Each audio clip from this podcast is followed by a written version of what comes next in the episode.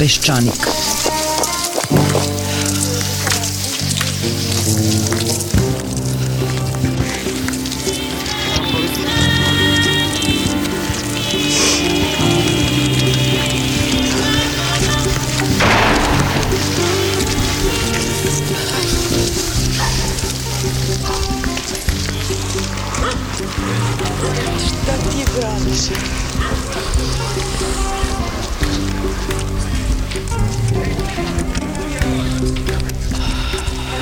Peščanik.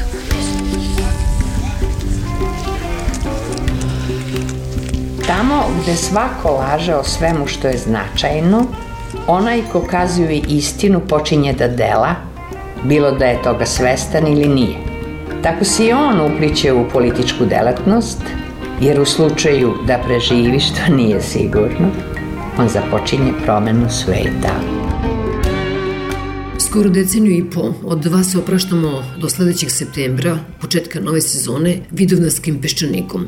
Mnogo puta smo u toj poslednjoj emisiji u sezoni govorili o 28. junu 1389. godine, pa o 28. junu 1989. godine, pa o 28. junu 2001. godine, a jako redko i jako sporadično o tom datumu iz 1914. godine, odnosno Sarajevskom atentatu i početku Prvog svetskog rata. Pored svega što se dešava u zemlji, teško da bi se i na našem sajtu i emisiji toliko bavili tom temom da nije krajnje sumnjiv načine na koje se njome mesecima bavi predsednik države i njegovi dvorski istoričari. Jedno vreme izgledalo da se svežim sahranjivanjem Milunke Savić i raznim referatima koje je očigledno neko drugi pisao, u kojima se malo uzdiše, malo više preti, Dakle, činilo se da se predsednik specializovao za veliki rat zbog malo boljeg tretmana u TV dnevniku, a onda je sve više ličilo da je to jedan od načina da se parira do jučerašnjem posinku, a sada zadihanom evroentuzijasti koji se miri i levo i desno, i gore i dole. Međutim, kako je vreme odmicalo, Nikolićevom tumačenju Prvog svetskog rata, ako se o tome uopšte radi, pridruživalo se sve više istoričara, pisaca, pesnika, reditelja, a na kraju i Aleksandar Vučić, koji je odbio da ode u Sarajevo i pridružio se složne braći u Andrić gradu. Pitanje je na što se zapravo ovde misli kada se govori o Prvom svetskom ratu. Zašto se uopšte o njemu toliko govori i to s toliko strasti? Jeste okrugao datum, stogodišnjica je, to nije mala stvar. Međutim, pitanje je zašto toliko nismo pričali o stogodišnjici Balkanskih ratova, za vreme kojih je uzgred Srbija udvostričila svoju teritoriju. Pa kud ćeš lepšeg povoda za slavlje jednog Srbina nego osvanje novih teritorija? Međutim, ta stogodišnjica je prošla u tišini, a ova prolazi u tolikoj buci i busanju u grudi. Pitanje je zbog čega? Govori jedina i počasna gošća današnjih pečanika, istoričarka Dubravka Stojanović. Evo nas dan pred Vidovdan, dogovorili smo se u novembru kada smo prvi put snimali emisiju povodom dana primjeri u Prvom svetskom ratu, da ćemo sačekati ovaj Vidovdan, videti šta će sve biti rečeno i u čemu je u stvari problem s tim prvim svetskim ratom. Da podsjetim šta je bilo u novembru, tada je to leta 2013. izašla knjiga Kristofera Clarka Mesečari, koja je izazvala nepojemnu reakciju u Srbiji i koja je izazvala jedno stanje gotovo histerije i nas je tada u novembru zanimalo o čemu se tu radi i da li je moguće da mi živimo u društvu koje se tako snažno i masovno potrese zbog jedne naučne knjige od 800 strana sa ogromnim fusnotama, arhivskim signaturama i ostalo. Pratili smo tada šta je govorio predsednik Nikolić i čitava ta retorika koju je Clarkova knjiga pokrenula jasno je govorila da se radi o političkom pitanju jer je on tada govorio Srbija neće dozvoliti, Srbija je ponovo napadnuta. Dakle, ponovo se vratila poznata ratna retorika i bilo je samim tim sasvim jasno da se tu ne radi uopšte o Kristoferu Clarku, da se ne radi ni o Prvom svetskom ratu, već da se radi o nečemu danas. Tada smo to više manje fokusirali na evropske integracije, na to da je došlo do izvesnog ubrzanja u tom trenutku izgledalo evropskih integracija i mislili smo da je predsednik Nikolić koji traže svoje političko mesto i svi koji su se uključili u taj hor, a moram da kažem da se dobar deo e, intelektualne, a naročito istoričarske javnosti tu uključio, da su oni prosto reagovali što se kaže iz stomaka na to strašnu opasnost da ćemo mi nekom nevjerovatnom brzinom od 10 godina ući u Evropu. I oni su, mislila sam tada, mislim i dalje, reagovali na taj način i Christopher Clark je po mom mišljenju bio personifikacija te Evrope i taj užasni napad na njega bio je zapravo onaj stomačni izraz tog antievropejstva u našoj zajednici. Tada smo se zabavljali time što su mnogi istoričari i mnogi pripadnici intelektualne javnosti tražili da država Srbija odgovori nikako nam nije bilo jasno kako sad to država treba da odgovori na jednu knjigu. To bi značilo da je neka država uposlila Kristofera Clarka, kao što naravno ovi istoričari koji to reaguju jesu u takvoj poziciji u našoj državi. Dakle, da je on neki državni istoričar, što je naravno za Britaniju nezamislivo i da on sada obavlja taj jedan posao koji ovde su navikli da na taj način rade. I strašno nas je zanimalo kako će država odgovoriti. Evo sada pri kraju svega toga e, dobili smo i te državne odgovore i sada ćemo to danas analizirati. Međutim, ono što prvo treba da uradimo, to je da se vratimo uopšte na mesto Prvog svetskog rata. Zašto je Prvi svetski rat uopšte toliko važan? Zašto on može da izazove takve emocije? Zašto je on nešto što se politički zloupotrebljava? I da pođemo od toga da je baš u svim tim debatama jedan istoričar, što je važno, rekao da je Prvi svetski rat ključno mesto srpskog identiteta. Podvukla sam da se radi o istoričaru zbog toga što on to nikako ne bi smeo da kaže. Ono što je sigurno u svim analizama kreiranja identiteta, konstrukcije identiteta, to je da oni nastaju na osnovu stereotipa, da oni nastaju na osnovu tih opštih mesta, da oni nastaju na osnovu raznih emotivnih prerada istorije. Prema tome, jedan istoričar koji bi trebalo da se bavi naukom i koga bi trebalo recimo da zanimaju pitanja kao što je kako izgledalo na srpskom selu, na primjer, tih šest godina koliko su muškarci ratovali od 912. do 18. kako je bio glad, koliko je dece umrlo. Na primjer, to bi trebalo da budu, po mojom mišljenju, neke teme. E sad, kad istoričar kaže da se od toga pravi identitet, znači da on svesno zapravo govori da istoričari treba da preziru tu stvarnost i da se bave pre svega emocijama koje možemo da iscedimo iz neke prošlosti. Da vidimo sada kakvo je političko mesto imao Prvi svetski rat tokom 20. veka u Srbiji i Jugoslaviji. Tokom kraljevine Jugoslavije on je naravno imao značajno mesto zbog toga što je on bio, da tako kažemo, mesto rođenja te države, prema tome tu počinje taj osnivački mit, ali se na onome što je srpska komponenta nije pretarano insistiralo zbog toga što je ta kao i sledeća Jugoslavija bila država pomirenja i samim tim nije se moglo mnogo insistirati ni na velikim srpskim pobedama, ni na velikim srpskim žrtvama, ni na toj jedinstvenoj ulozi Srbije, upravo zbog toga što su drugi jugoslovenski narodi bili tokom tog rata na drugoj strani, pa samim tim se nije pretarano na tome insistiralo i zbog toga ta mitska mesta nisu stvorena u Kraljevini Jugoslavije. Socijalistička Jugoslavija imala je svoj mit, a i njegovo rodno mesto bio je drugi svetski rat. I samim tim je prvi svetski rat već i zbog toga morao da bude potisnut u toj konkurenciji. A opet, kao država pomirenja, nije mogla da ističe jedan narod, pa samim tim ponovo ni srpske žrtve, ni, ni srpsko herojstvo, tako da se sećamo raznih situacija u kojima je bilo zabranjeno pevati tamo daleko, ja sam ja Jeremija, srpska artiljerija i tako dalje, prema tome to je negde bilo rezervisano eventualno za srpsku novu godinu, ali sasvim potisnuto upravo kao potencijalni izvor srpske nacionalne arogancije. Ključni trenutak je 1972. godina kada izlazi četvorotomni roman Dobrice Ćosića Vreme smrti. I zapravo je taj roman ono čime ćemo se danas ovde baviti, jer je on u stvari odredio istorijsko sećanje Prvog svetskog rata.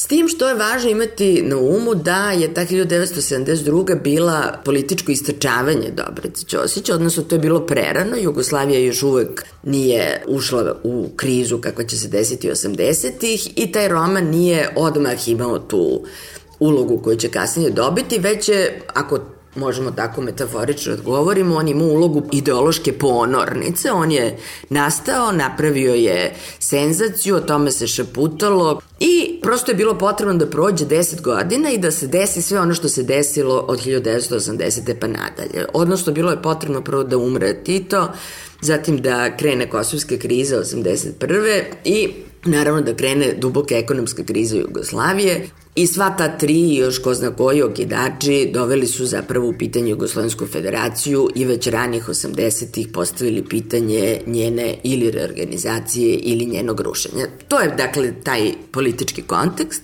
koji je bio neophodan da bi Prvi svetski rat dobio sada svoje pravo mitotvorno mesto I to mitotvorno mesto mislim da treba da smestimo u 1983. godinu, kada je u Jugoslovenskom dramskom postavljena predstava na osnovu romana Dobrice Ćosića, predstava Kolubarska bitka.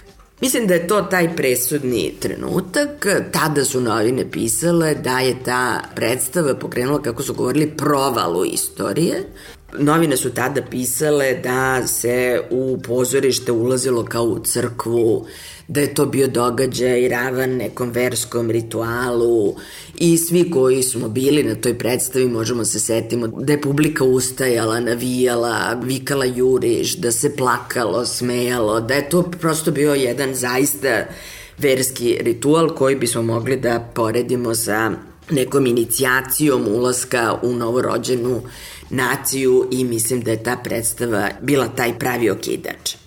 Međutim, naravno, nije to nešto što je moglo sada da napravi tu homogenizaciju naroda koja je bila potrebna, nije sad cela Srbija mogla da dođe jugoslovensko-dramsko, ali celu Srbiju je pokrenulo nešto drugo, ponovo u sferi kulture i sada smo u godini 1985. kada je objavljen roman Danka Popovića knjiga o Milutinu. To je taj prekretni događaj i mislim da komotno tu knjigu možemo da zovemo Mala crvena knjiga, sećajući se kulturne revolucije Mao Tse Tunga. Ta knjiga je odigrala tu presudnu ulogu.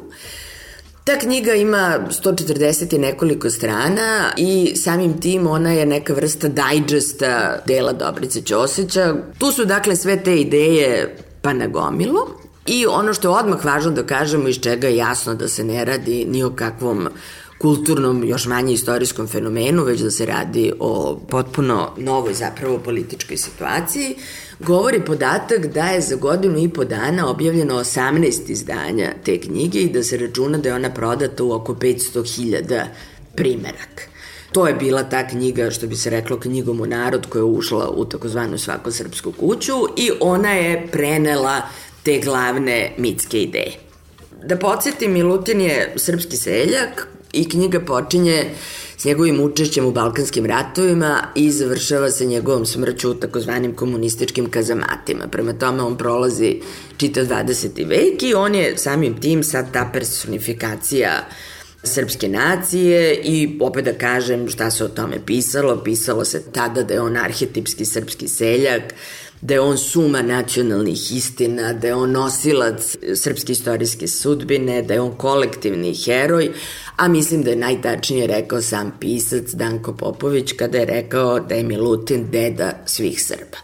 On je prosto odigrao tu ulogu i ta knjiga je dobila mesto tog ideološkog pamfleta. To je zapravo, po mom mišljenju, knjiga koja je prenela, dakle, izvršila neku vrstu medijske funkcije ideja Dobrice Ćosića do širokih masa. Međutim, krajem 80. godina Prvi svetski rat je ponovo bio potistut zbog toga što je sada iz takozvane ropotarnice istorije opet izvučen drugi svetski rat, jer je u pripremama za rat u Hrvatskoj nije prvi svetski rat mogao da odigra tako značajnu ulogu, već se sada vratilo na drugi svetski rat i to sa naglaskom na ono što se dešavalo u nezavisnoj državi Hrvatskoj i sećamo se svih tih jama koje su otvarane Jasenovca i svega toga što smo mogli svakog dana da slušamo na televiziji. Nezavisna država Hrvatska ostala je glavna tema tokom 90. godina, ali je zanimljivo da je i posle pada Slobodana Miloševića drugi svetski rat zadržao svoje neprikosoveno mesto, ali sada ponovo zbog potpuno druge funkcije, zbog rehabilitacije četnika i drugih kolaboracionista i zaboravljanja njihovih zločina. Prema tome, to je bilo stanje tokom takozvanih demokratskih vlasti 2000. godine. Prvi svetski rat vratio se stvari tek 2013. godine, kada su počele ove pripreme za 100 godišnjicu i Peščanik je naravno reagovao odmah. Postavili smo pitanje o čemu se tačno sad radi i sad smo, mislim, u situaciji da složimo te kockice, pogotovo kada vidimo šta se sve tokom ove godine o tome govorilo. Da bismo razumeli kako je moguće da Prvi svetski rat uvek izazove tu povišenu temperaturu, moramo sada da napravimo jednu analizu tih ključnih mitskih mesta, da vidimo koje su te osnove koje Prvi svetski rat omogućava kao događaj, koje su te osnove, što bi ovaj istoričar rekao, srpskog identiteta, odnosno tog mitskog emotivnog tumačenja istorije, da vidimo uopšte dokle smo tu stigli. Prvi svetski rat je izuzetno važan zato što nekoliko bitaka koje su se u njemu dogodile, počevši od Cerski i Kolubarski, zaključno sa probojem Solunskog fronta, su presudne za stvaranje tog mita o ratničkoj i pobedničkoj naciji. I mislim da je Arsenij Jovanović koji je režirao Kolubarsku bitku u pozorištu najbolju u jednom kasnijem intervju to sam definisao, rekavši da je Kolubarska bitka u stvari Kosovska bitka ali s pobedom na kraju. To ne znači da je pobeda bitnija od poraza, naprotiv, poraz je bitniji, na to ćemo kasnije doći, ali ipak ta priča o pobedi godi, ona je ipak važna za nacionalno samopouzdanje, za tu heroizaciju nacije. A čime ćemo se danas u Peščaniku baviti, to su neka poređenja književnosti i učbenika istorije, odnosno moj cilj danas je da pokažem kako su te predstave iz književnosti od Dobrice Ćosića preko knjige o Milutinu ušle zapravo direktno u naš sistem obrazovanja, potpuno preskočivši kritičku historiografiju koja je neke od najboljih knjiga kao što su knjige Andreja Mitrovića, Ljubinke Trgovčević ili Đorđa Stankovića su upravo napisane u Prvom svetskom ratu, ali to nije ostavilo naravno nikakvog traga na mit. Književnost je preskočila svoj put i direktno se ulila u naš sistem obrazovanja i to ćemo danas ovde analizirati. Dakle, ta ideja o heroizaciji prošlosti, na primer, ulazi u današnji učbenik kroz jedan citat nekog francuskog oficira koji kaže, ajde da verujemo da to zaista kaže, citiram iz učbenika današnjeg, samo je francuska konjica i to uz velike napore mogla da stigne srpsku pešadiju.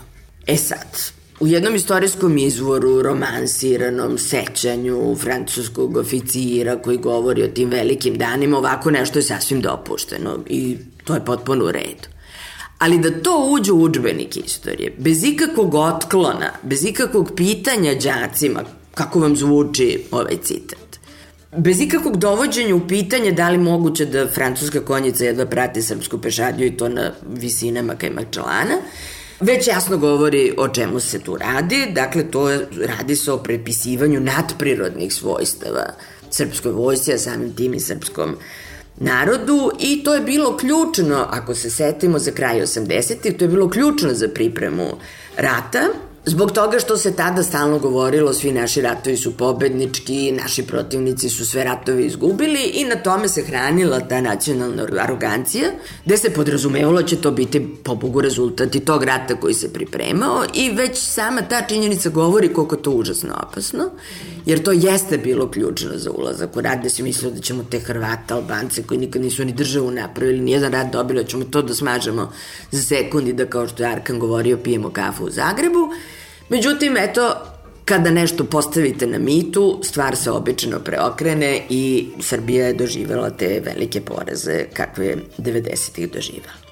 Druga ključna ideja zbog koje je Prvi svetski rat taj osnivački mit jeste ta ideja o naciji žrtvi o kojoj smo jako puno u Peščaniku govorili. I uvek smo govorili da ta samoviktimizacija koja je naročito povoljna na Prvom svetskom ratu gde je Srbija realno izgubila između trećine i četvrtine stanovništva, ali jedno pitanje je kolike su stvarne žrtva, drugo pitanje je kako mi s tim žrtvama dalje se odnosimo, kako se ponašamo prema njima, na koji način ih pamtimo. U svakom slučaju ta samoviktimizacija koja je zloupotreba tih žrtava je užasno važna zato što narod žrtva ima sve te moralne i političke privilegije, svaki njegov postupak je unapred oprošten i ona služi da se svi okolni narodi stalno podsjećaju na taj nikada isplaćeni dug. Ili kao što je Amos Oz rekao jednom prilikom, prisustujemo svetskom prvenstvu za najveću žrtvu među narodima i mislim da su Srbi odavno u toj trci. Ta ideja o žrtvama, to veličanje smrti, ključno je za delo Dobrice Ćosića koje se i zove Vreme smrti, a Milutin sam po sebi je arhetip te žrtve. I kroz sva ta književna dela dominira to slavljenje smrti kao ključne teme života, da tako kažem. To je nešto što je, nažalost, takođe ušlo u nastavu istorije i ovde se često koriste izvori, to je taj tipičan mehanizam da kažete, pa evo izvor kaže, ali sad kakav je tvoj odnos prema tom izvoru, kako ćeš ti đaka uputiti da čita izvor, sad đaku je od 13 godina prepušteno da ga shvati.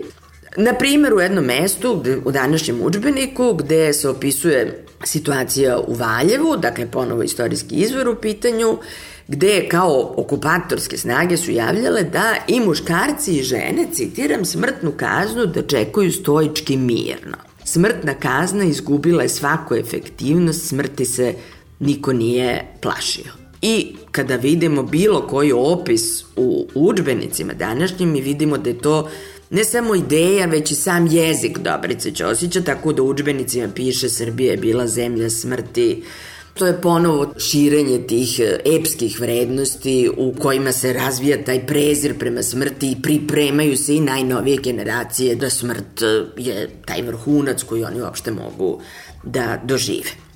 Više puta smo u Peščaniku govorili o tom odnosu prema žrtvama, odnosu prema brojevima, ali uvek treba ponoviti, kao što premudro kaže Ceca Lukić, dakle ponovit ćemo još jednom tu priču. Dakle, ono što se poslednje vreme apsolutno ustalilo i ono što piše u svim učbenicima, to je taj broj od milioni dvesta hiljada mrtvih.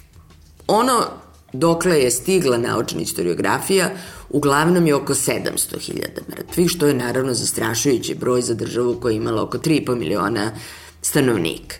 Od nekud je istoričarima, piscima učbenika i svima koji učestvuju u tom debati potrebno da ubiju još pola miliona ljudi. Ali je sada i odnos prema tom broju, naravno nešto čime se mi ovde pre svega bavimo. I recimo u jednom učbeniku koji je objavljen u Miloševićevo vreme, pisao je taj broj od milioni dvesta hiljada ljudi, ali pisala i rečenica, kaže, ipak ona je, Srbija, podigla svoj ugled. Drugim rečima, direktno se kaže da je to vredalo, da se to isplatilo, da jeste možda to malo mnogo, ali da taj princip murir pur la patrie, što bi rekli francuzi, je i dalje na snazi i da niko od nas i nema ništa pametnije nego da svoj život na taj način ponovo i uvek u svakoj prilici da. Zašto se uvek vraćamo na ovaj broj i zašto uvek govorimo o tim brojevima? Zbog toga što je to u stvari centar tog mita, on je nosilac te samoviktimizacije od povećanja broja do načina na koji se time bavimo, a jasno govori da je mit zato što te žrtve nikada nisu prebrojane. I u nizu popisa stanovništva koji su se dešavali posle Prvog svetskog rata moglo se tačno utvrditi koliki je taj broj bio. Međutim, to se nikada nije desilo. I to se nikad nije desilo za drugi svetski rat i to se nikada nije desilo za ratove 90-ih. I upozoravali su demografi i 2001. i 2011. da ako bi se po određenim načelima ti popisi učinili, mogli smo tačno znati i broj mrtvih i broj ranjenih i broj materijalnih gubitaka u tim ratovima. I Hrvatska i Bosna i Hercegovina i Srbija odbili su da se popisi urede po tim pravilima. Prema tome, to je odnos prema žrtvama, nikoga tu ne zanimaju stvarne žrtve, pogotovo ih ne zanima svaki pojedinac, što bi trebalo da bude deo modernog društva koji slavi i pamti svaki pojedinačni život. Dakle, ništa od toga stvarno nije važno, nego je važan samo taj mit i svakome je važno da se samo neprekidno vrši ta manipulacija brojevima.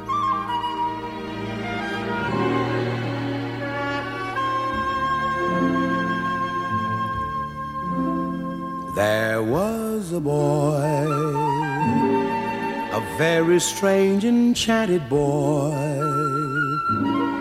They say he wandered very far, very far over land and sea.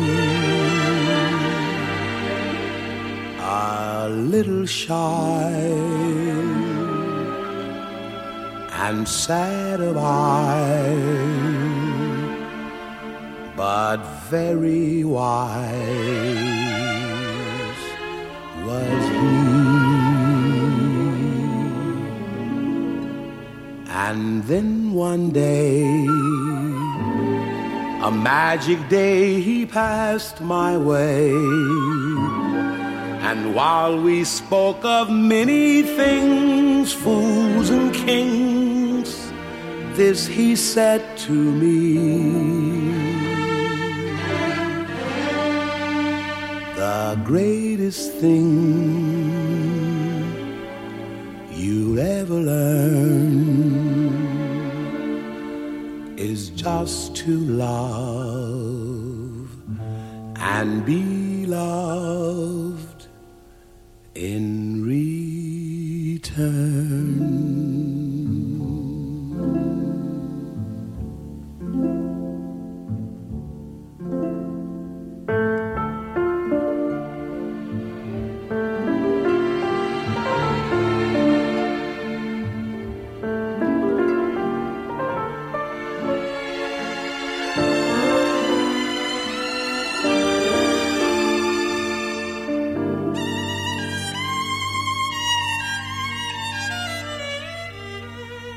The greatest thing you'll ever learn is just to love and be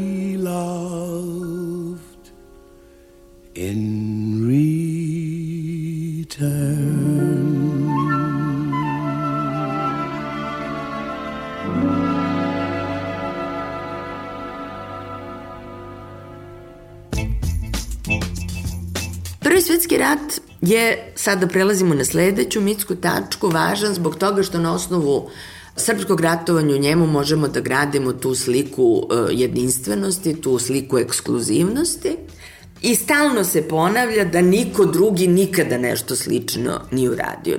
Kod Milutina to možemo na desetinama mesta da nađemo, on stalno o tome govori, evo na primjer jedna rečenica, nikad ni jedan drugi evropski narod nije ratovao na ovakvim visinama, misli se na Kajmak Čalan, kao što isto tako piše i u učbeniku, pa je recimo taj prelazak preko Albanije piše se fenomen bez presedana u istoriji ratovanja i međunarodnih odnosa. Dakle, i učbenik direktno, kao i književnost, proizvodi tu svest o apsolutnoj jedinstvenosti.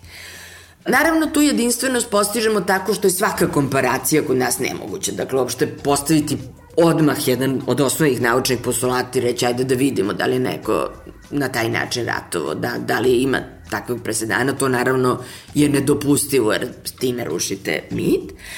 A ono što je tu presudno, to je da verujete u tu jedinstvenost, jer je naravno ta ekskluzivnost prvi korak do te superiornosti, koji vam onda daje veća prava nego što drugi imaju i samim tim vi počinjete da rangirate narode i čim vi rangirate narode, vi ste na korak od genocida, jer onda smo odmah u priči o višima i nižima i odmah do pitanja da li ti niži uopšte imaju pravo i na život. Kada se sebe već tako superiorno postavili, dolazimo sada do nove tačke u mitu, vi sebe nemate s mnogo čim drugim da poredite, dakle vi ste već iznad svih drugih naroda, prema tome, što bi se reklo, samo nebo vam je granica i odatle upravo i imamo to korišćenje biblijskih metafora, jer kao što možemo da vidimo u medijima, kao što možemo da vidimo u književnosti, ključne dve reči kada se govori o srpskom ratovanju u Prvom svetskom ratu su Golgota i Vaskar Srbije. I tako se zovu i mnoge emisije i ono što je bitno to je da u svakom, apsolutno svakom učbeniku i onom konzervativnijem i onom malo liberalnijem koji su danas u upotrebi uvek postoji ta upotreba te dve reči cela nacija neprekidno izgovarajući te reči ponavlja Hristovu sudbinu, ali ponovo se vraćamo na smrt, dakle to je ponovno slavljanje smrti, jer kao što je poznato, u ideji da nema vaskrsenja bez smrti, zapravo smrt ima centralnu poziciju. I ponovo se vraćamo na taj kult koji je bio presudan i za ratove da bi Biljana Plavšić mogla da kaže da ćemo žrtovati 3 miliona, 6 miliona, kako ona beše izračunala, i da bismo te ljude pozvali u smrt, ali i da bismo stalno održavali taj sistem vrednosti, jer ne znamo kada će biti to ponovo potrebno i kada će nas neko u smrt ponovo pozvati. Nova mitska tačka koja se može graditi izuzetno na osnovu događaja u Prvom svetskom ratu je ta ideja o srpskom narodu kao velikodušnom, kao onome koji sve čini za druge. I tu dolazimo do jednog izuzetno važnog mesta za čitavu tu mitologiju, to je ideja ili tačnije da kažemo emocija nepravde, jer ona je možda najjači lepak za naciju, ona je ta koja homogenizuje sve te pojedince koji sa tim snažnim osjećajem da smo mi objekt stalne istorijske nepravde, da vi stalno nekome nešto dajete, da ste vi stalno nesvaćeni, da stalno na kraju najlošije prođete.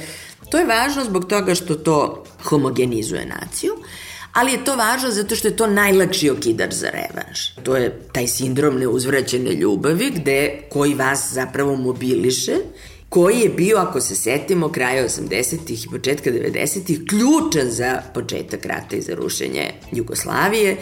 Milutin neprekidno o tome govori. On stalno govori mi idemo da oslobađamo druge, mi kinemo zbog drugih e, i onda po imence ide šta sve radimo za Slovence, šta sve radimo za Hrvati i tako dalje.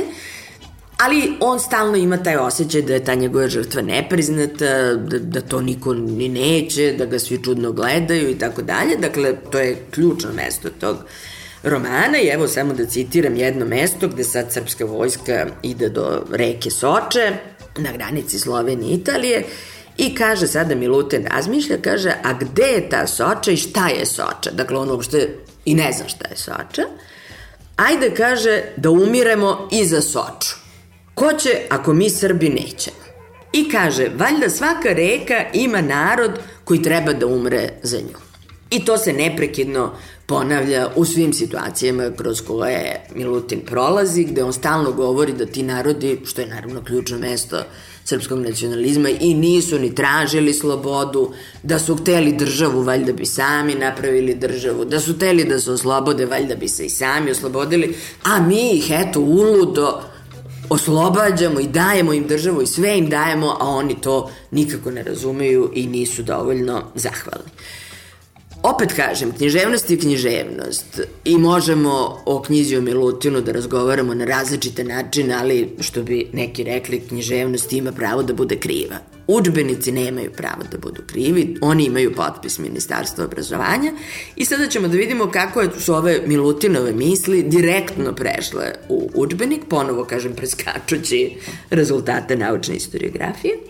I to pre svega kroz ovu ideju da je e, Srbija pre svega oslobodila te drugi jugoslovenske narode, dala im državu i još jedna važna komponenta, izuzetno važna za srpski nacionalizam, a to je da je Srbija svaki put dala ruku narodima koji se uvek nađu nekako na pogrešnoj strani istorije. Ali mi iz tog velikodušnosti i dobročinstva uvek im damo ruku i prevedemo ih provučemo i kroz taj moralni usek istorije na što mi imamo, jel, kao što smo videli, ekskluzivno pravo, I oni ponovo nazlo upotrebe, i sad citiram učbenik, gde se kaže Srbija je omogućila ostalim jugoslovenskim narodima da formiranjem, pa sad ide boldovano, dakle nije ni ovo dovoljno što piše, nego da se to pojača, da formiranjem jugoslovenske države napuste stranu poraženih i da se priključe pobednicima. Ili recimo direktno, opet citiram učbenik, Srbija je u novu državu uložila srpsku državnost,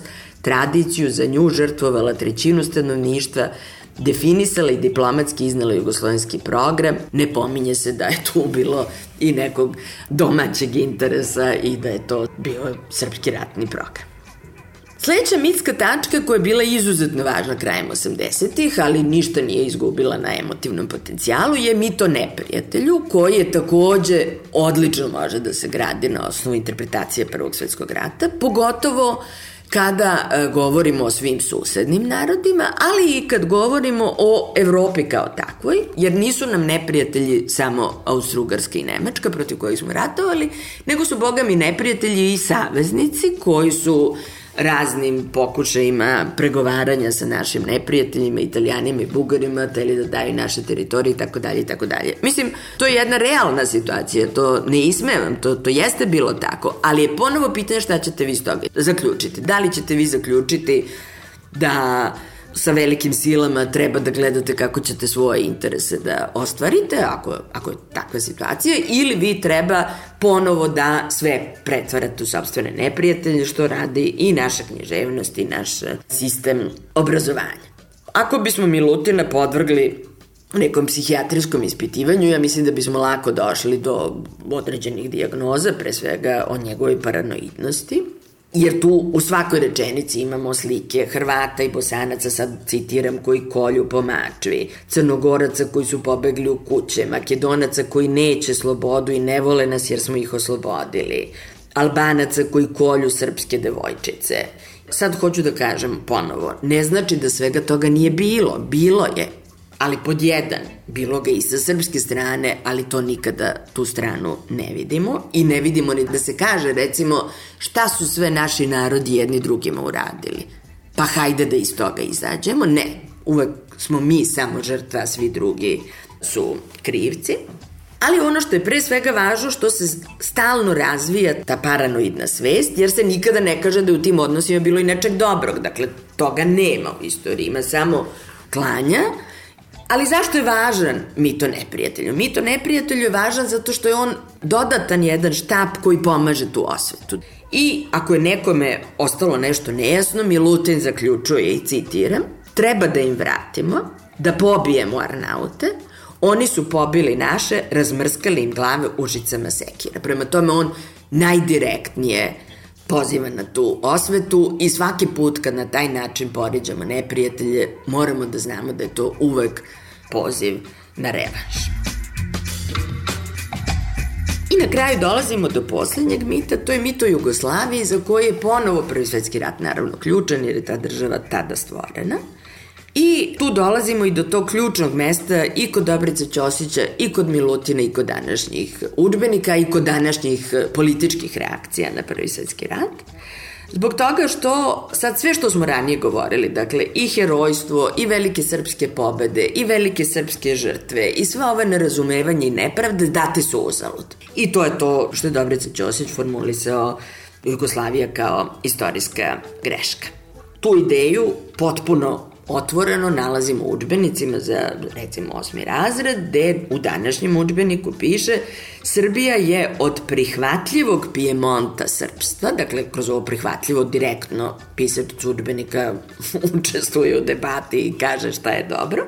Dakle, Srbija je od prihvatljivog Pijemonta srpstva, proglasila se za magloviti Pijemont jugoslovenstva, dakle ponovo jasno sugeriše korišćenjem prideva. Bio je to ishitren i nedovoljno promišljen preokret fatalan mit o jugoslovenskoj državi. Dakle, ne treba naravno ni reći da učbenik sasvim sigurno nije mesto za ovakvu vrstu rasprava i lupanje šamara istorijskim junacima, istorijskim idejama i situacijama, ali naravno, pošto kod nas obrazovanje nema obrazovnu svrhu, ovakve stvari su tu ključne. Najveći dokaz da je osnovno tumačenje Prvog svetskog rata mitsko jeste nešto što se desilo početkom aprila, a to je jedan veliki intervju Dobrice Ćosića koji je, to stice okolnosti, nazvan politički testament. Vrlo brzo se pokazalo da je to zaista i postao testament jer je Ćosić brzo nakon toga umro. Veliki deo tog intervjua posvećen je baš Prvom svetskom ratu i nedvosmisleno kaže, dakle ako je nekome još posle četiri toma i posle Milutina i posle svega nejasno, u testamentu Dobrica Ćosić direktno kaže Prvi svetski rat je srpski poraz. I to i jeste nešto čime završavamo ovu analizu mita, jer se pokazuje u kojoj meri je taj mit suprotan onome što je takozvana istorijska istina ili nešto što svako malim razmišljanjem može da zaključi. Dakle, ako je ona od početka vodila taj rat uz one koji su na kraju pobedili, nema nikakve dileme da je Srbija pobednica tog rata.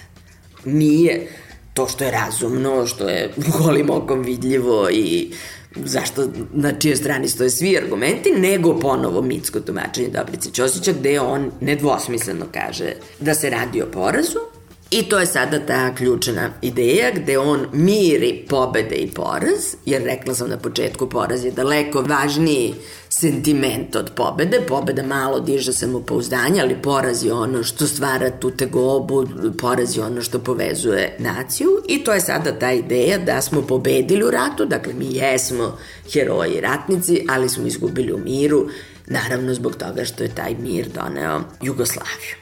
Sada kada je umro Dobrica Ćosić, mislim, meni je tu lično najvažnije da su se svi govornici, svi koji su njemu pisali, rekli upravo ovo što ja pokušavam da dekonstruišem.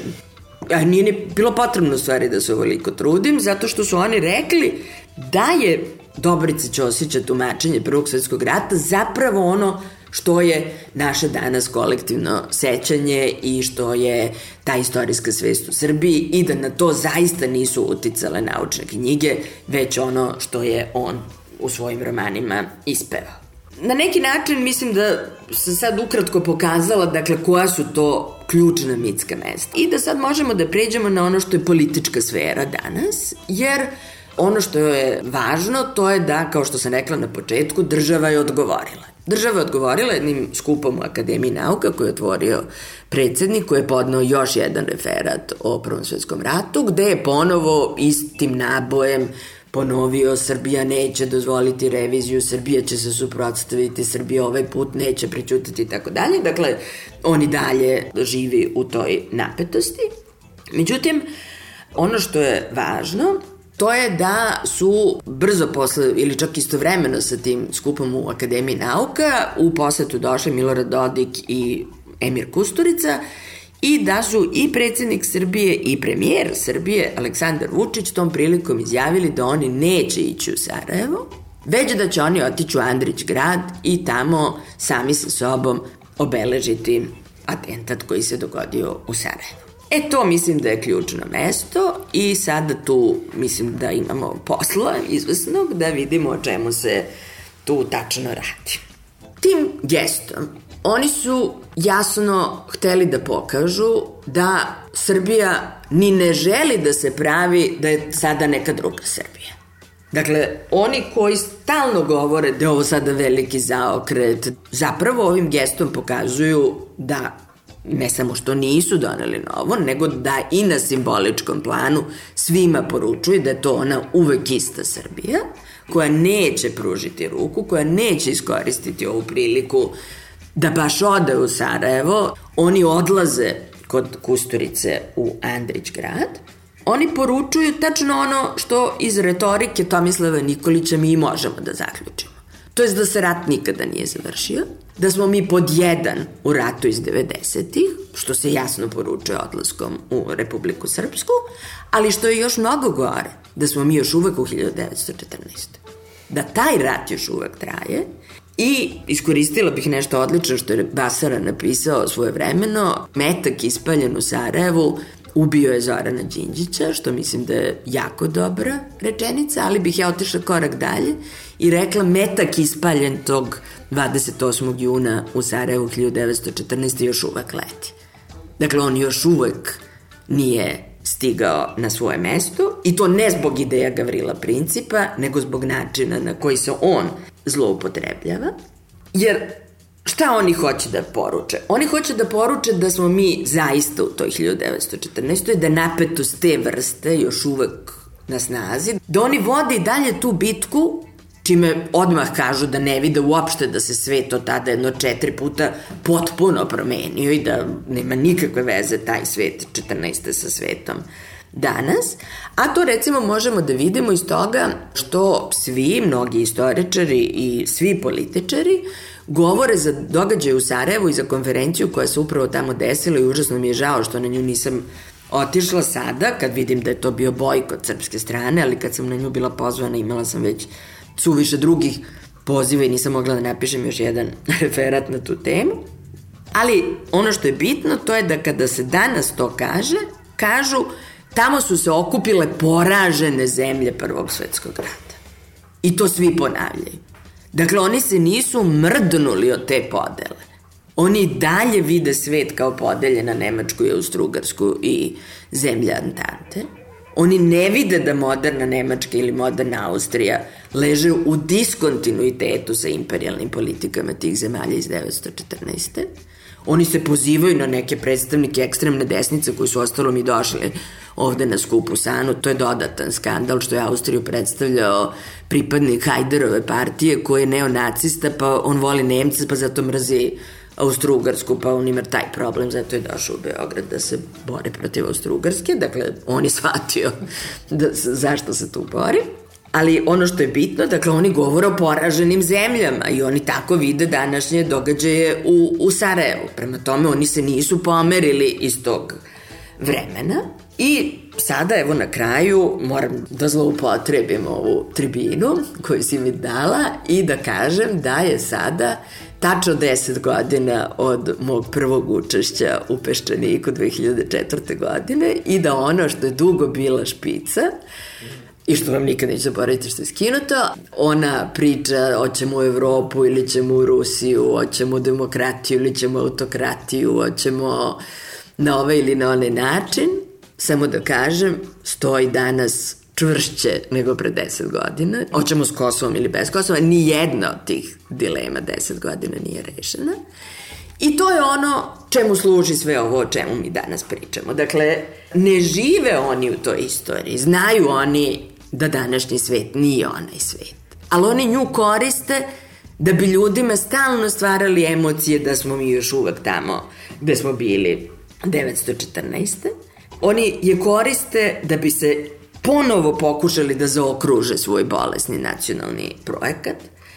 Oni koriste tu istoriju da bi, ako ikako moguće, se vratili danas na taj kej, na Miljacki, uzeli taj pištolj od Gavrila Principa koji je pucao u ime Jugoslavije i pucao u ime svojih levojih i anarhističkih ideja, da bi uzeli taj pištolj od njega i pucali u ime ideja zbog kojih je pucao i Ratko Mladić – I ponovo nije sve bilo potrebno da ja ovo analiziram, jer opet je neko uradio posao za mene i izgovorio, jedan od istoričara, da su zapravo te revizije istorije koje su u toku, kako oni to vide u današnjoj Evropi, odnosno tačnije u dan, na današnjem zapadu, ta revizija istorije I sad citiram, to su argumenti kojima će se uskoro krenuti u nove pokušaje ukidanja Republike Srpske. E sad se tu meni postavlja pitanje koje mi se inače vrlo često postavlja, a to je da li je to ludilo ili je to pokvarenost. Ako kažemo da je to ludilo, ima argumenta. Jer sad šta to znači? To bi značilo ovako, na primjer.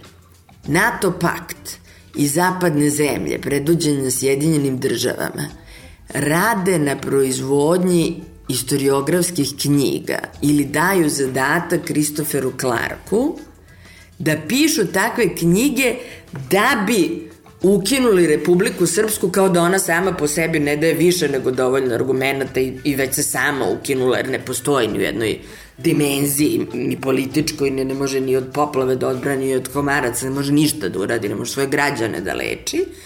Druga mogućnost je da vi palite taj narod Republike Srpske koristeći i Gavrila Principa i atentat i sve to da biste mu rekli da se u stvari radi o ukidanju Republike Srpske, a pošto smo poslednjih 25 godina naučili da čitamo sve upravo obrnuto od onoga što se kaže, drugim rečima to znači ne, mi u stvari koristeći Gavrila Principa, proglašavajući njega ekskluzivno srpskim herojem, što on nikada nije bio i sebe sam na sudu nazvao jugoslovenskim nacionalistom, Dakle, mi zloupotrebljavajući Gavrila Principa, Vidovdan, 14. istogodišnicu, mi u stvari rušimo Bosnu i Hercegovinu i zato mi idemo u Andrić grad, zato mi ne idemo u Sarajevo i to je zapravo naša ključna poruka, a sve ovo ostalo uradit ćemo da bismo taj jadni narod koji je sada još jadniji nego što je bio početkom 90-ih, vezali za tu ideju, pre svega za taj stalni osjećaj nepravde, stalni osjećaj žrtve koji mobiliše bolje nego išta.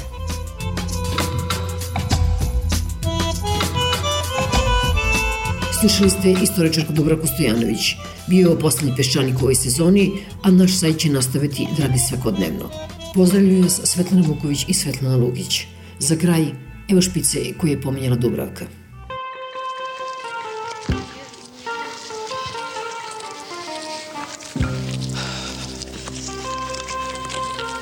Dobroveče, Nikola Koljević na telefonu. Nikola, dobroveče.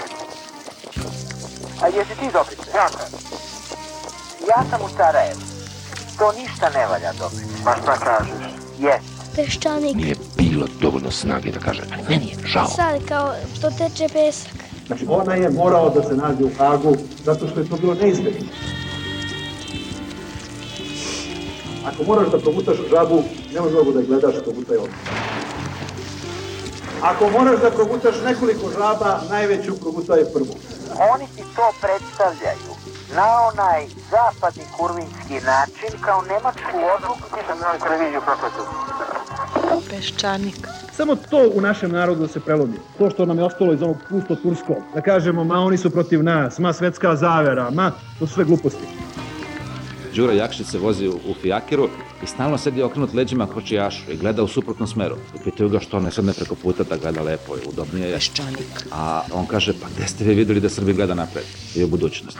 Meni žao. Kompletno su uvek otvorena sva pitanja budućnosti. Da li ćemo u Europu ili nećemo u Europu? Kad je bilo idealno? U vreme Titovo kad smo dobijali kredite, Da li ćemo demokratiju ili nećemo demokratiju? je li bilo idealno u Jugoslaviji kralja Aleksandra? Da li ćemo u teokratiju ili nećemo teokratiju? Pa je li pre toga bilo idealno kad smo bili u Prvom svetskom ratu? Nije. Da li ćemo u reforme ili ćemo u neki sistem koji više nigde ne postoji? Je li pre tad bilo idealno kad je bila aneksiona kriza sa Austro-Ugarskom? Nije. Da li ćemo sa Kosovom ili ćemo bez Kosova? Je li pre toga bilo idealno kad su se na dvoru tukli Obrenovići i ubijali? Nije. Nikad nam nije bilo dobro u istoriji. Ako vi osjećate da nemate vremena krajem 19. veka, a to isto osjećate krajem 20. veka, ti vaši problemi su se degenerisali dok je svet otišao dalje. A, Nikola, Nikola, šta govoriš? Mislim što je ti misliš. Ne možemo se predavati. Ne možemo, Pa moramo. ne možemo. Pa slušajte, propad, propad čitavog naroda. Moramo sada istrajati, pa što kažu, komo palci, komo boj. Jeste. Mi smo deset godina stariji, siromašniji, propaliji i to je cena naše gluposti. Ne može to besplatno. Vi možete da uzmete akvarijum i da napravite od njega riblju čorbu. Ali ne možete od riblje čorbe da napravite akvarijum. Skuvali ste ribe, gotovo je. To je istorija. Neke stvari se najbolje rešavaju tako što se uopšte ne rešavaju. I ovde bi trebalo jednostavno Đura Jakšić da pređe na ono drugo sedište da gleda napred. Zato kažem stalno, Kemal Paša Ataturk, nema fesovi, cilindri od sutra ujutru i čao. I sad ti pričaj sa cilindrom na glavi šta hoćeš. Peščanik.